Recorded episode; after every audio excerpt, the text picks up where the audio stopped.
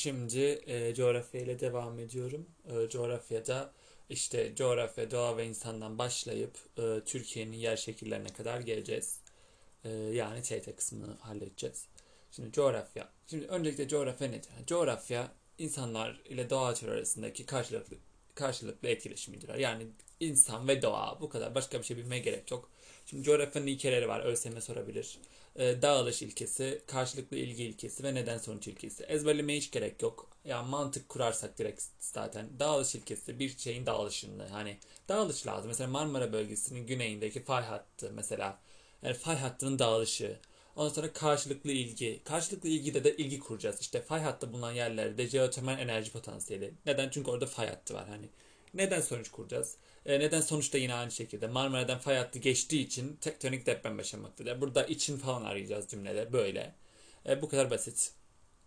E, şimdi e, coğrafyayı e, biz üçe ayırıyoruz.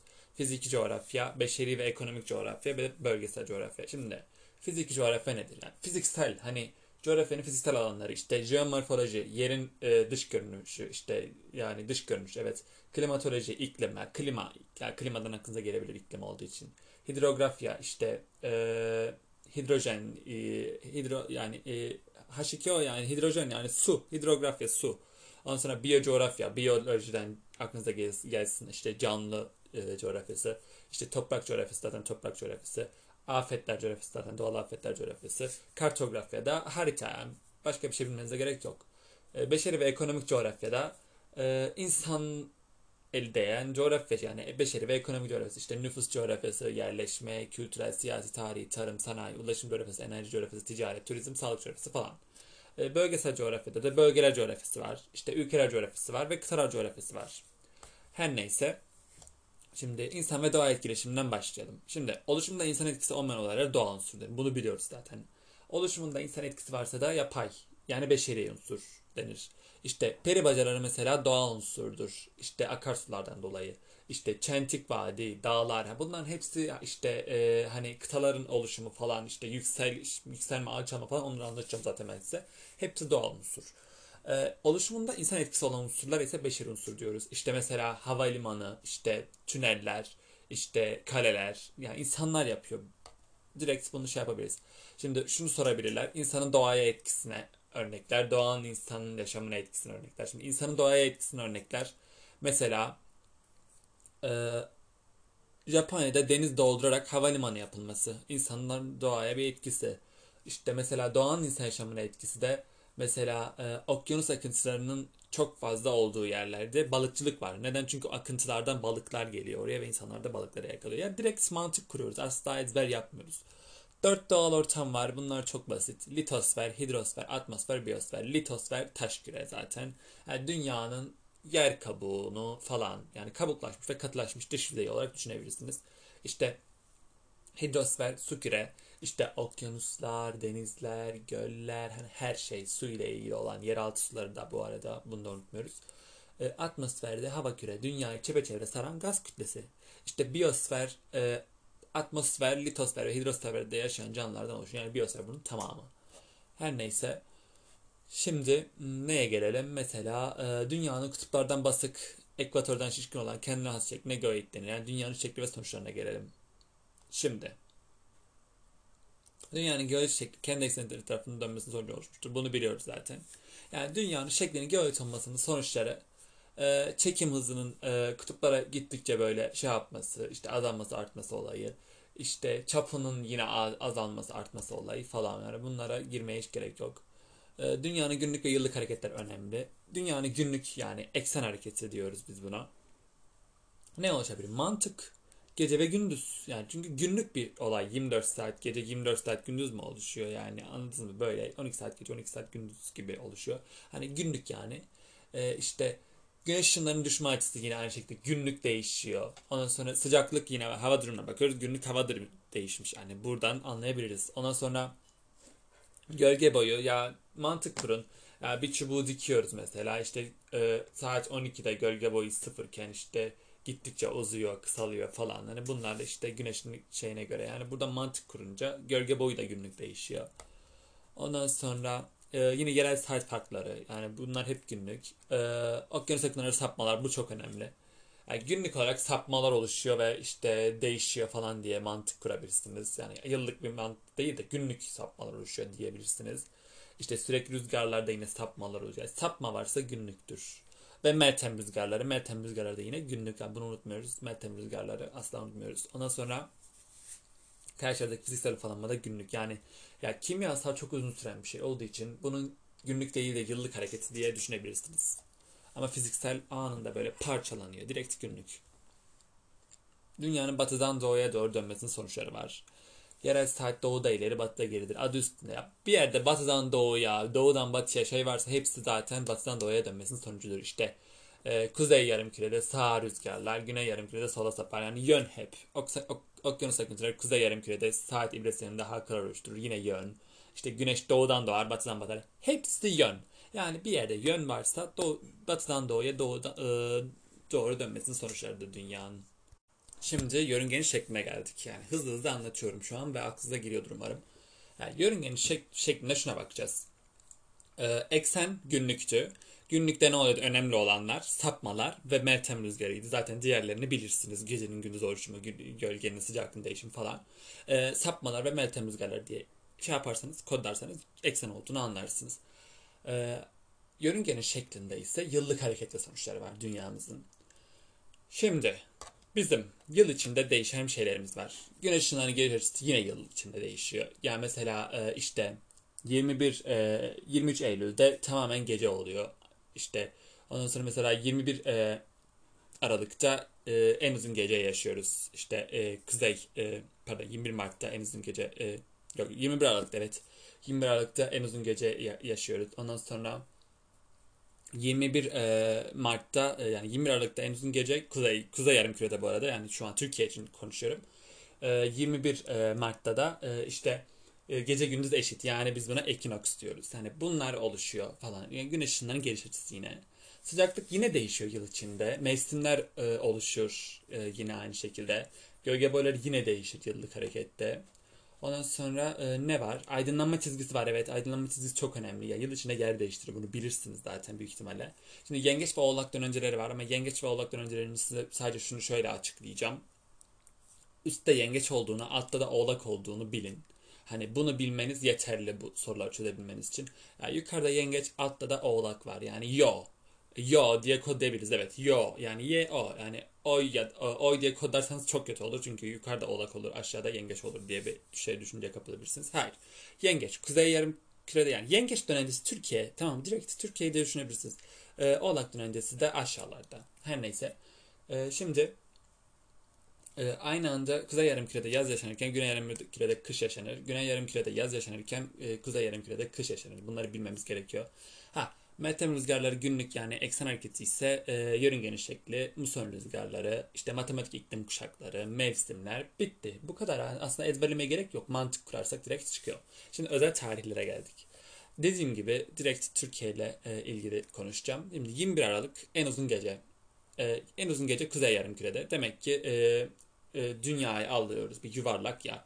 Şöyle kuzey yarım küre en uzun gece olduğu için böyle çapraz bir çizgi çiziyoruz ve üstü full karanlık, karanlık oluyor. Yani kuzey yarım kürede en uzun gece yaşanıyor 21 Aralık tarihinde. Bundan tam yani 21 Aralık tarihinden e, tam 3 ay sonra evet 3 ay sonra e, gece gündüz tekrar eşitleniyor. Yani 3 aylık bir süre. Yani 21 Mart oluyor. Şimdi mantık kuruyoruz. Mart'tan 3 ay sonra ise Haziran geliyor. Demek ki artık 21 Haziran'da da en uzun gündüz Kuzey Yarımküre'de yer alıyor. Hani direkt böyle mantık kurarsanız yani şöyle 21 Aralık'ta en uzun gece oluştuğunu şöyle anlayabilirsiniz. Kış, kış yani kış. Kuzey Yarımküre'de kış. Ondan sonra 3 ay saydık geriye bahar geldi. Artık gece ve gündüz eşitlendi. Yavaş yavaş farkındaysanız yaza geldik ve 21 Haziran. Bunu da herkes bilir. Yaz gündüzleri çok uzun olur. Yani hava e, çok geç kararıyor. Mantık kuruyorsunuz direkt. 21 Haziran'da demek ki Kuzey Yarımküre'de en uzun e, gündüz yaşanıyor. E, 23 Eylül'de de tekrar yine eşitleniyor 3 ay sonra. Yani 3 ay 3 ay 3 ay. E, 6 ayda bir e, gece gündüz e, pardon en uzun gece en, e, en uzun e, gündüz oluşuyor. E, yine 6 ayda bir yani 21 Mart ve 21 Eylül arası e, gece gündüz eşitleniyor. Bununla bilmemiz gereken tek şey bu. Başka bir şey bilmeye gerek yok. Yani coğrafya aslında çok basit bir şey. Şimdi e, koordinat sistemine geldik. Koordinat sistemi önemli. Paralel daireleri ve meridyen yayları var. Şimdi paralel, yani paralel adı üstünde yani paralel çiziyorsunuz. Direkt o paralel e, meridyende e, zaten e, meridyen dik paralel yatay. Bunu bilmek yeterli. Ondan sonra ya direkt çizin. Yani çizdikçe farkındaysanız paraleller kutuplara doğru küçülüyor. E, ekvatordan kutuplara doğru gidildikçe ne oluyor? İşte paraleller çarpıyor. Küçülüyor. Paralel küçüldüğü için ne oluyor? İşte yer çekimi, gölge boyu, işte ne bileyim gece ile gündüz arasındaki süre farkı işte hani artıyor. Mesela şöyle artıyor. Ekvatordan kutuplara doğru gidince bir mantık e, çerçevesinde davranmaya çalışıyorum şu anda. E, kutuplarda e, yaşanan gece gündüz süresiyle ekvatorda yaşanan gece gündüz süresi aynı olabilir mi? Asla olamaz. Kutuplarda e, daha fazla yani şey e, süre farkı. Ondan sonra e, sıcaklık, işte çizgisel hız bunlar hep azalır. Ya sıcaklık zaten azalır çünkü e, kutuplarda sıcaklık çok azdır. E, kalıcı kar sınırı da yine çok azdır. Zaten yani her yer kar. Yani mantık kurun sadece direkt. Hani ezberlenmek yok. E, işte ormanın üst sınırı yine azalır. Hani kutuplar yani mantık direkt kutup Sibirya. İşte e, tarım yükselt sınırı yine azdır. Yani böyle böyle direkt e, şey yapılır.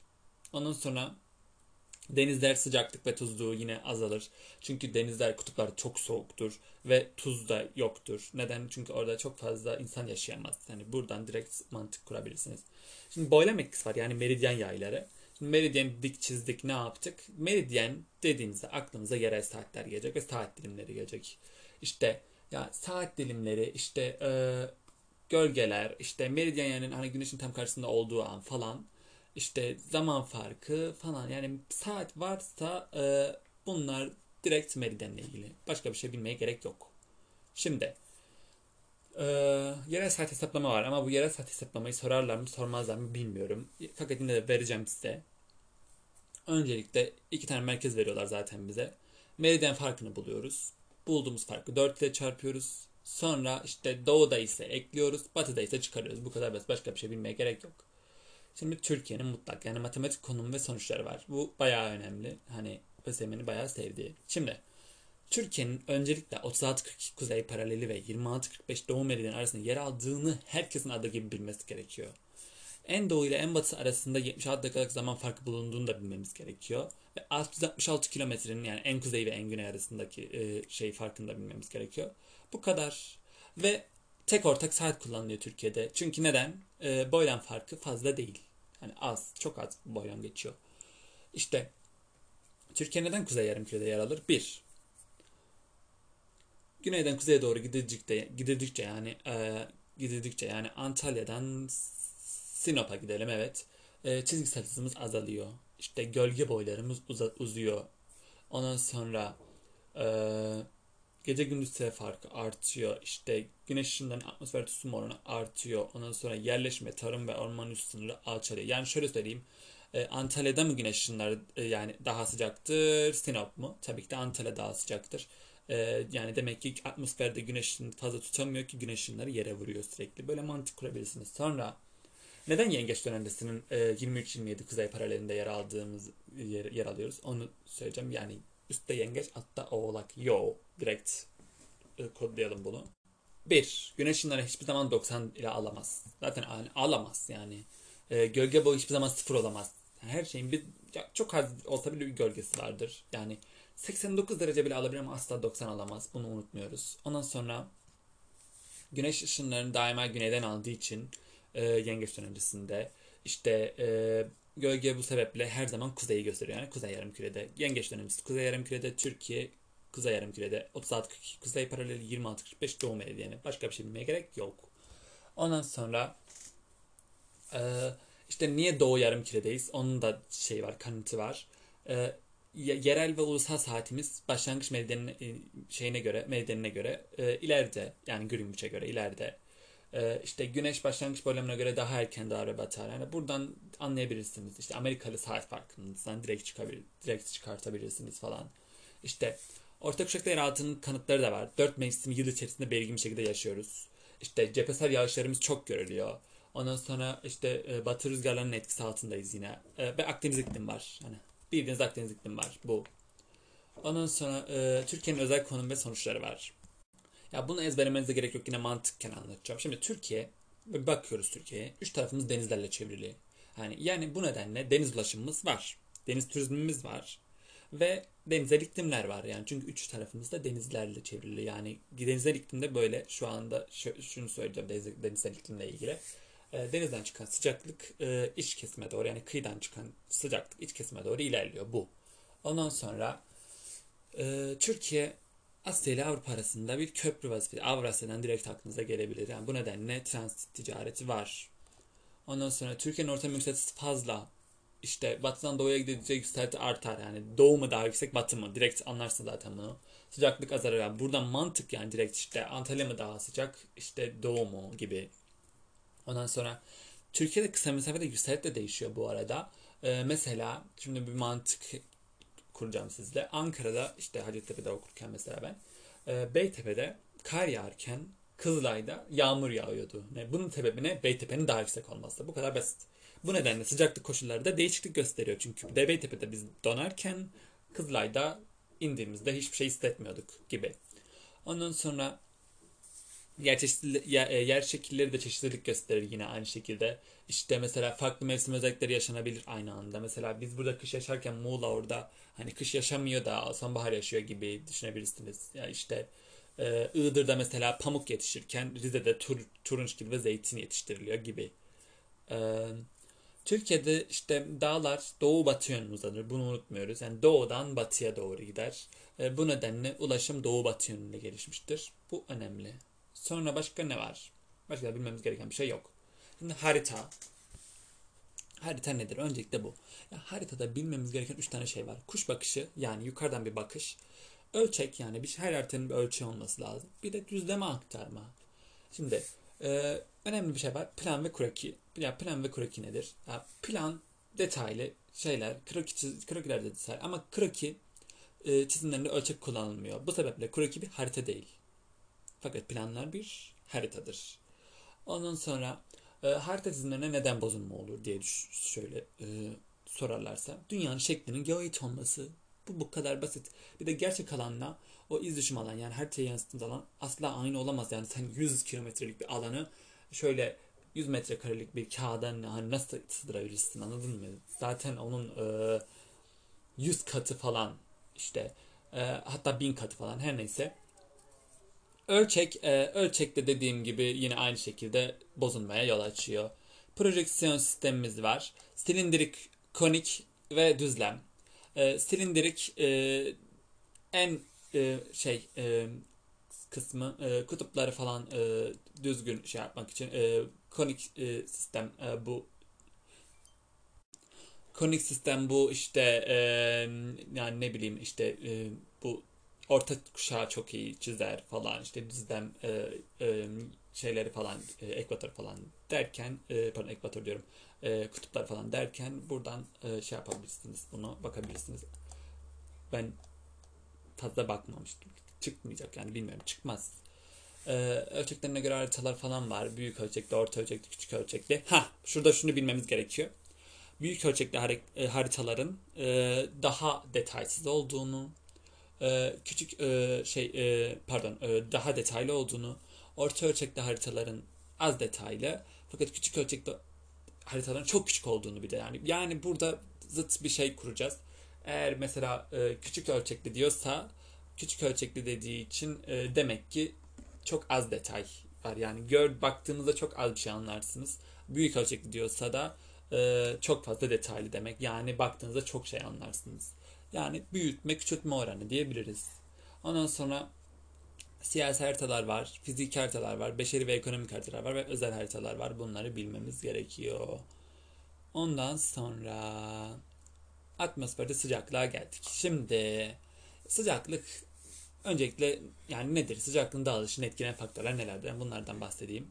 Şimdi sıcaklık adı üstünde hani güneş yani güneş ışınlarının geliş açısı demek ki etkiler. Bir, yükselti etkiler. 2 demiştim ya Ağrı mı daha sıcak Antalya mı 2.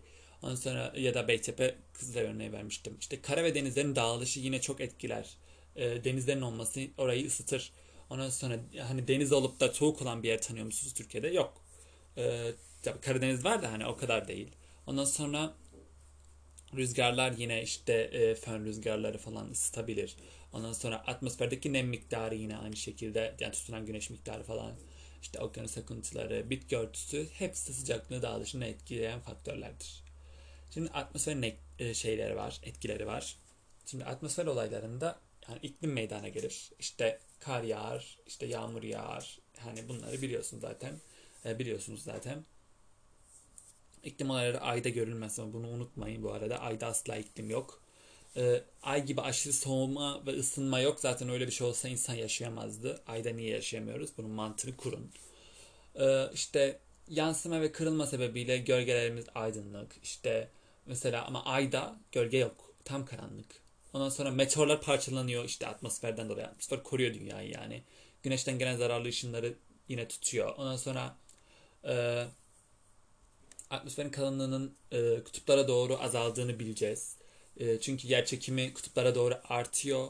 E, fiziksel hızımız şey çizgisel hız azalıyor e, ve sıcaklık yine azalıyor kutuplara doğru. Yani kalınlık azalıyor. Bildiğiniz buradan direkt şey yapabilirsiniz. Şimdi basınç ve rüzgarlar. Yani basınç aslında coğrafyanın en basit konusu bence. Şimdi basınç yani basıncı etkileyen faktörleri bilmemiz gerekiyor. Isınma, soğuma. Yani basınç zaten adı üstünde. Gazların yere uyguladığı kuvvete bir basınç denir. Hani gazları ısıttığınızda ne olur, soğuttuğunuzda ne olur bunu bir düşünün. İkincisi e, enlem yine enlem de çok etkiler. E, mevsimler yine etkiler basıncı. Alçak basınçta yüksek basınçta ne olur? İşte alçak basınçta yağmur yağar, yüksek basınçta çok sıcak olur gibi. Anlatacağım hepsini şimdi size. Yer çekimi yine aynı şekilde. Yükselti de yine aynı şekilde. Ve dinamik yani etken günlük hareketler dünyanın e, eksen hareketleri. Şimdi alçak basınçta yükselici hava var. Yani burada tam bir zıtlık kuruyoruz.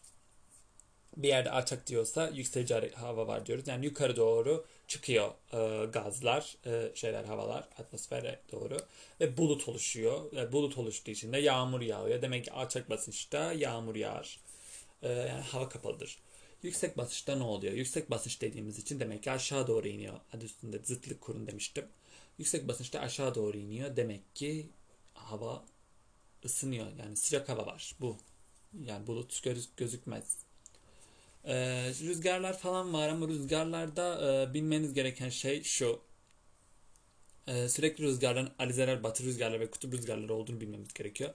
Sıcak rüzgarların fön falan olduğunu bilmemiz gerekiyor. İşte soğuk bora. Yani bora adı üstünde soğuk yani. İşte Meltem rüzgarlarının deniz, kara, dağ, vadi gibi ayrıldığını bilmemiz gerekiyor.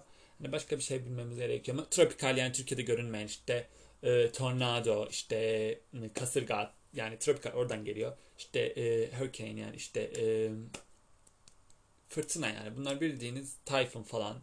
Yani Türkiye'de çok az görünmeyen rüzgarlar diyebiliriz. E, çok az görünen daha doğrusu. Gelen daha doğrusu diyelim bu taraftan gelen evet. E, rüzgarın şey e, yüksek basınçtan alçak basınca doğru esen yatay hava hareketlerine rüzgar dediğimizi unutmuyoruz. Yani yüksekten alçağa doğru esen e, hava hareketine biz e, rüzgar diyoruz. Yani yüksek demek ne demekti? Sıcaktan alçağa doğru yani e, şeye doğru e, yukarı doğru. Direkt böyle bu mantıktan kurabiliriz. Bu mantığı kurabiliriz. Şimdi neye geçelim? Hı, yağış oluşum şekilleri var. Yükselici yağış oluşum şekli var. Yükselici yağış oluş şeklinde e, direkt konveksiyonel yani e, yukarı doğru çıktığını görebilirsiniz. Ondan sonra e, şey var e, cephe yağışları var. Cephe yağışında bir dağ olacak falan. Hani böyle böyle e, şey yapabilirsiniz. Ha dünyanın en fazla yağış alan yerleri ve en az yağış alan yerleri çok önemli. Ya zaten direkt haritadan sorarlar. En fazla yağış alan yerler Muson Asyası yani Çin, Japonya falan işte Hindistan falan. Ee, ekvatoral bölge orada yağmur ormanları var. Yani direkt ekvator çizdiğinizde oranın üst kısmı ve alt kısmı. Ve orta kuşakta karaların işte batı kıyıları falan. En az yağış alan yerler kutuplar, işte dönenceler çevresi, işte yengeç ve oğlak dönencesi. İşte orta kuşak karaların iç kesimleri yine aynı şekilde çok yağ, az yağış alır. Başka ne anlatabilirim diye düşünüyorum. Daha anlat, anlatılabilecek bir şey yok. Ee, iklim tipleri var. Heh, iklim tiplerinden e, başlayalım. İklimler nerede görülür? Yani muson iklimi, muson adı üstünde muson Asya'da görülür. Ee, çok fazla yağış alır dediğim gibi. Ekvatoral iklim yine ekvatoral iklimde ekvator ve çevresi. Ekvator çiziyorsunuz. Onun çevresi tamamen ekvatoral iklim. Ilıman okyanusal iklim e, güneyde işte okyanusun okyanus çevresinde diyelim hatta evet okyanuslara baktığınızda dünya haritasında gördüğünüzde okyanuslara yakın yerlerde okyanusal iklim vardır. Step iklimi hani Türkiye gibi işte hmm, hani Türkiye gibi yani Orta Doğu diyebiliriz işte Amerika'nın da ortası diyebiliriz. E, tundra e, iklimi var. Tundra kutup iklimidir. Yukarı kutup. Ondan sonra e, Akdeniz iklimi. Akdeniz iklimi Türkiye'de e, Yunanistan'da falan görülüyor. Yani Akdeniz ve çevresinde görülüyor. İşte İtalya'da falan. E, çöl iklimi çöl. Adı üstünde çöllerde işte çöllerin şurada olduğunu unutmuyoruz. Bir Afrika'da var. İki e, Amerika'nın birazcık şeyinde var. Ondan sonra e, şeyde var. Avustralya'da var aşağıda. Ve ortada var bir de e, Hindistan'ın e, o taraflarda yani orta kısımda var. E, çöller yöresi zaten. E, kutup ikliminde de yine kutup dediğim gibi aşağı kutup bu sefer de aşağı kutup fazla. Sert karasal iklim zaten en fazla olan yani işte Türkiye'dir falan hani o orta kuşaklar işte Amerika'nın üst kuzey kısımları ama fazla kuzey kısım değil yani karadan biraz aşağısı. İşte savan iklimi de savan çöl yani uzun e, sararmış ot demek zaten. Afrika falan. Yeryüzündeki iklimler, sıcak iklimler, e, ılıman iklimler ve soğuk iklimler olarak üçe ayırıyoruz. Şunu bilmemiz yeterli. Soğuk iki tane iklim var. Bir tundra, bir kutup. İkisi de kutup iklimi. E, sıcak iklimleri zaten ekvatoral demiştik. Savan demiştik. Muson demiştik. E, ve çöl iklimi. Ilıman iklimlerde geriye kalan işte Akdeniz, ılıman okyanusal, step, sert karasal falan. Bunu mantık kuracağız ülkeye göre. Sonra Türkiye'nin iklimi var. Ee, Türkiye'nin iklimi etkileyen iki tane faktör var. Bir, mutlak yani matematik konumuna bağlı. iki göreceli konumuna yani özel konumuna bağlı faktör var. Yani mutlak konumu Kuzey Yarımküre'de, Orta Kuşak'ta yer alıyor. Demek ki dört mevsimi belirgin bir şekilde yaşayacak. İşte göreceli konumuna göre yer şekilleri, eğim, yükseklik, denize göre konum falan falan falan bak etkisi falan bunları çoğaltabiliriz. Şimdi Türkiye'de en az yağış alan yerler ve en çok yağış alan yerleri bilmemiz gerekiyor. E, Tuz Gölü ve çevresi en az yağış alan yerler Türkiye'de. Konya bölümü yani. İşte e, Güneydoğu Anadolu zaten çok sıcak. Çöl gibi orası diye düşünebilirsiniz. Şanlıurfa, Mardin, Siirt, Kilis gibi. İşte Iğdır yine Doğu Anadolu'da çok az yağış alır. E, Malatya Ovası da yine az yağış alır. En fazla yağış alan yerler e, Kırklareli e, şey e, çevresi yani e, bu Yıldız Dağları. Ondan sonra Batı Karadeniz, işte Orta Toroslar yani bunların dışındaki her şey işte e, Doğu Karadeniz, Hakkari çevresi bir de Antalya bölümü. E, başka ne düşünebiliriz? Yani ne anlatabilirim diye bakıyorum şu anda. Anlatabilecek bir şey kalmadı buradan. Dünyanın yapısı ve iç kuvvetlere geldik. Şimdi öncelikle dünyanın e, kayaçlar kısmına e, anlatmak istiyorum. E, püskürük kayaçlar var. Torçul kayaçlar var. Bir de baş kalaşım kayaçları var. Şimdi püskürük kayaçlarda iç ve dış olarak ikiye ayıracağız püskürükleri. İşte e, püskürüyor. Magmanın yer kabuğundan katılaşıp püskürmesiyle oluşuyor. Bitti. İri. Ondan sonra e, dış püskürük dediğim gibi işte e, magmanın yer kabuğunun dışında katılaşmasıyla oluşuyor. Bu iç püskürük de içinde. içinde katılaşıyor. Tam püskürmüyor. Bu dışında katılaşıp püskürüyor gibi düşünebilirsiniz. İşte e, tortul kayaçlar işte kırıntıl, kimyasal ve organik. İşte e, kayaçlar aşındırılıp e, böyle biriktiriliyor çukur alanda. İşte tabakalı yapıları var. Ondan sonra işte nüfusu bulunabilir yine. Başka dışım kayaçları da zaten e, kayaçların değişmesiyle oluşur. Bu kadar basit. Başkalaşıyor yani. İşte yapraklı, tabakalı ve kristalli yapıya sahip olabilir falan. Başka bir şey anlatmaya gerek yok buradan. E, bakayım evet. Dış kuvvetler ve iç kuvvetler var. Şimdi iç kuvvetlerle başlayalım. İç kuvvetler nedir? Ee, hani e, yeryüzü, dağlar, volkanizma gibi kuvvetlere iç kuvvetler diyoruz. Ee, enerji yerin içinden alacak yani. Enerji yerin içinden alacak. Dağlar nasıl yerden hop yükselir. İşte dağ orojen, orojene, orojenez, işte kıta oluşumu, epirojenez, işte volkanizma hep hep içten böyle yerden, yeryüzünden enerji alacak. Yani yerin içinden. İşte deprem, deprem de yine fay hatları yerin içinde böyle fay hatlarının birbirlerine göre kırılmasıyla oluşuyor falan. Ondan sonra dağ oluşumu başlayalım. Şimdi dağ oluşumunda şöyle bir şey var. Kıvrımlı dağlar var. Kıvrımlı dağlar dümdüz bir zemin hayal edin şu anda. Böyle kıvrıldığını hayal edin. Bitti. Başka bir şey yok. Ondan sonra e, kıta oluşumu hmm, kısmı var. E, kıta oluşumunda şöyle bir şey oluyor. E, bir yer hayal edin böyle dümdüz ve o dümdüzün e, bir yerinin daha fazla çıkıntılı olduğunu hayal edin. E, ikisinin e, alt üstte geçtiğini düşünün. Böyle bitti. Bu kadar basit bu da. İşte deprem oluşumu, volkanik depremler var. E, volkanlardan kaynaklanan. Çöküntü depremler var. Çöküntülerden kaynaklanan ve tektonik depremler var. Bu tektonik depremleri yaşıyoruz zaten.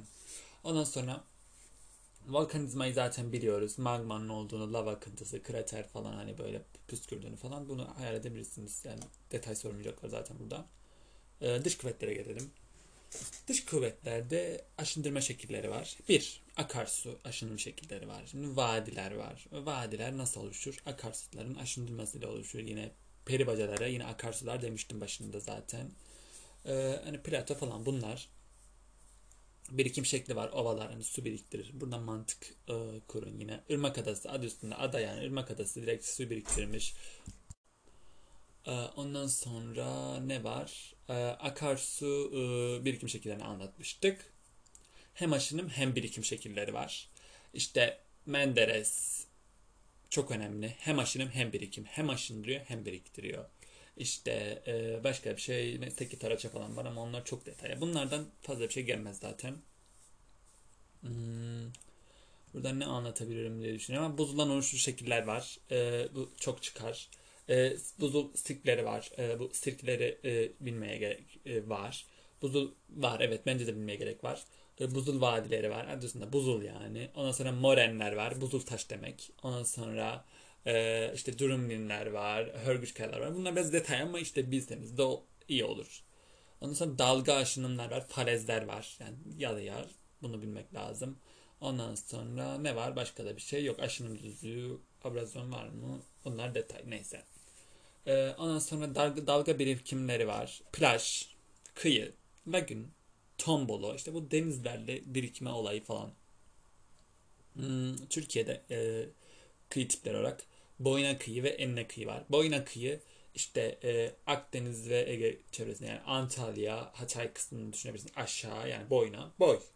Ondan sonra işte yukarıda da Karadeniz. E, Enine kıyıda da zaten e, Ege. Ege kıyıları direkt e, Enine kıyı. Boyna kıyıda Akdeniz ve Karadeniz. Ondan sonra e, Boyna kıyıda dağlar kıyılara paralel yani paralel direkt bir çizgi çiziyoruz Türkiye'den bu kadar yukarıda bir çizgi aşağıda bir çizgi. Enine kıyıda da e, dik bir dik çiziyoruz. Zaten bir tane kıyımız var. O da Ege kıyısı. Sonra ne var? Dalmaçya kıyı var. Evet Türkiye'de yine. Ee, Akdeniz'de e, işte Fethiye, Muğla Fethiye, işte e, Kaş, Kalkan gibi bir yerlerde burada Dalmaçya kıyı var. Böyle küçük küçük parçalar halinde parçalanmış Kıbrıs'ta doğru yaklaşan kıyı. Ee, ondan sonra e, yine limanlı kıyılar Marmara bölgesinde var. Ondan sonra e, başka ne var? Riya var İstanbul Boğazı. İşte Haliç var yine aynı şekilde. Ee, ondan sonra başka da bir şey yok. Buradan anlatabileceğim başka bir şey kalmadı. Şimdi Türkiye'nin ee, neyleri kaldı?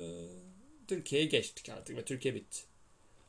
Aa, TRT coğrafya bitmiş. ee, Türkiye'de dağlar falan var ama bu dağları ben burada nasıl anlatabilirim diye düşünüyorum. Hatta çok fazla dağlar var. Bilmeye de gerek yok. E, işte volkanları da bilmeye gerek yok. Yani çok detay bunlar. E, işte ovalar falan var. Ovaların Ege ve Akdeniz bölgesinde toplandığını birazcık yukarıda Karadeniz'de iki tane işte Marmara'da bir tane. Yani Güneydoğu'da çok az. Yani Ege ve Akdeniz ova yöresi olduğunu bilin yeterli. E, bitti. E, TRT coğrafyada böyleydi. Umarım işinize yarar. Ve umarım seversiniz. İşinize yaraması da umurumda değil demeyeceğim bu sefer. umarım yarar. E, çünkü ben gerçekten size anlattığımda yani böyle e, bu podcast'i e, şey, çektiğimde e, bilgilerim uçtu. Hani şöyle uçtu. Hani hepsini biliyorum zaten ama e, hani hatırladım hepsini artık. Şimdi de fene geçeceğim bundan sonra. Bunu kaydedeyim.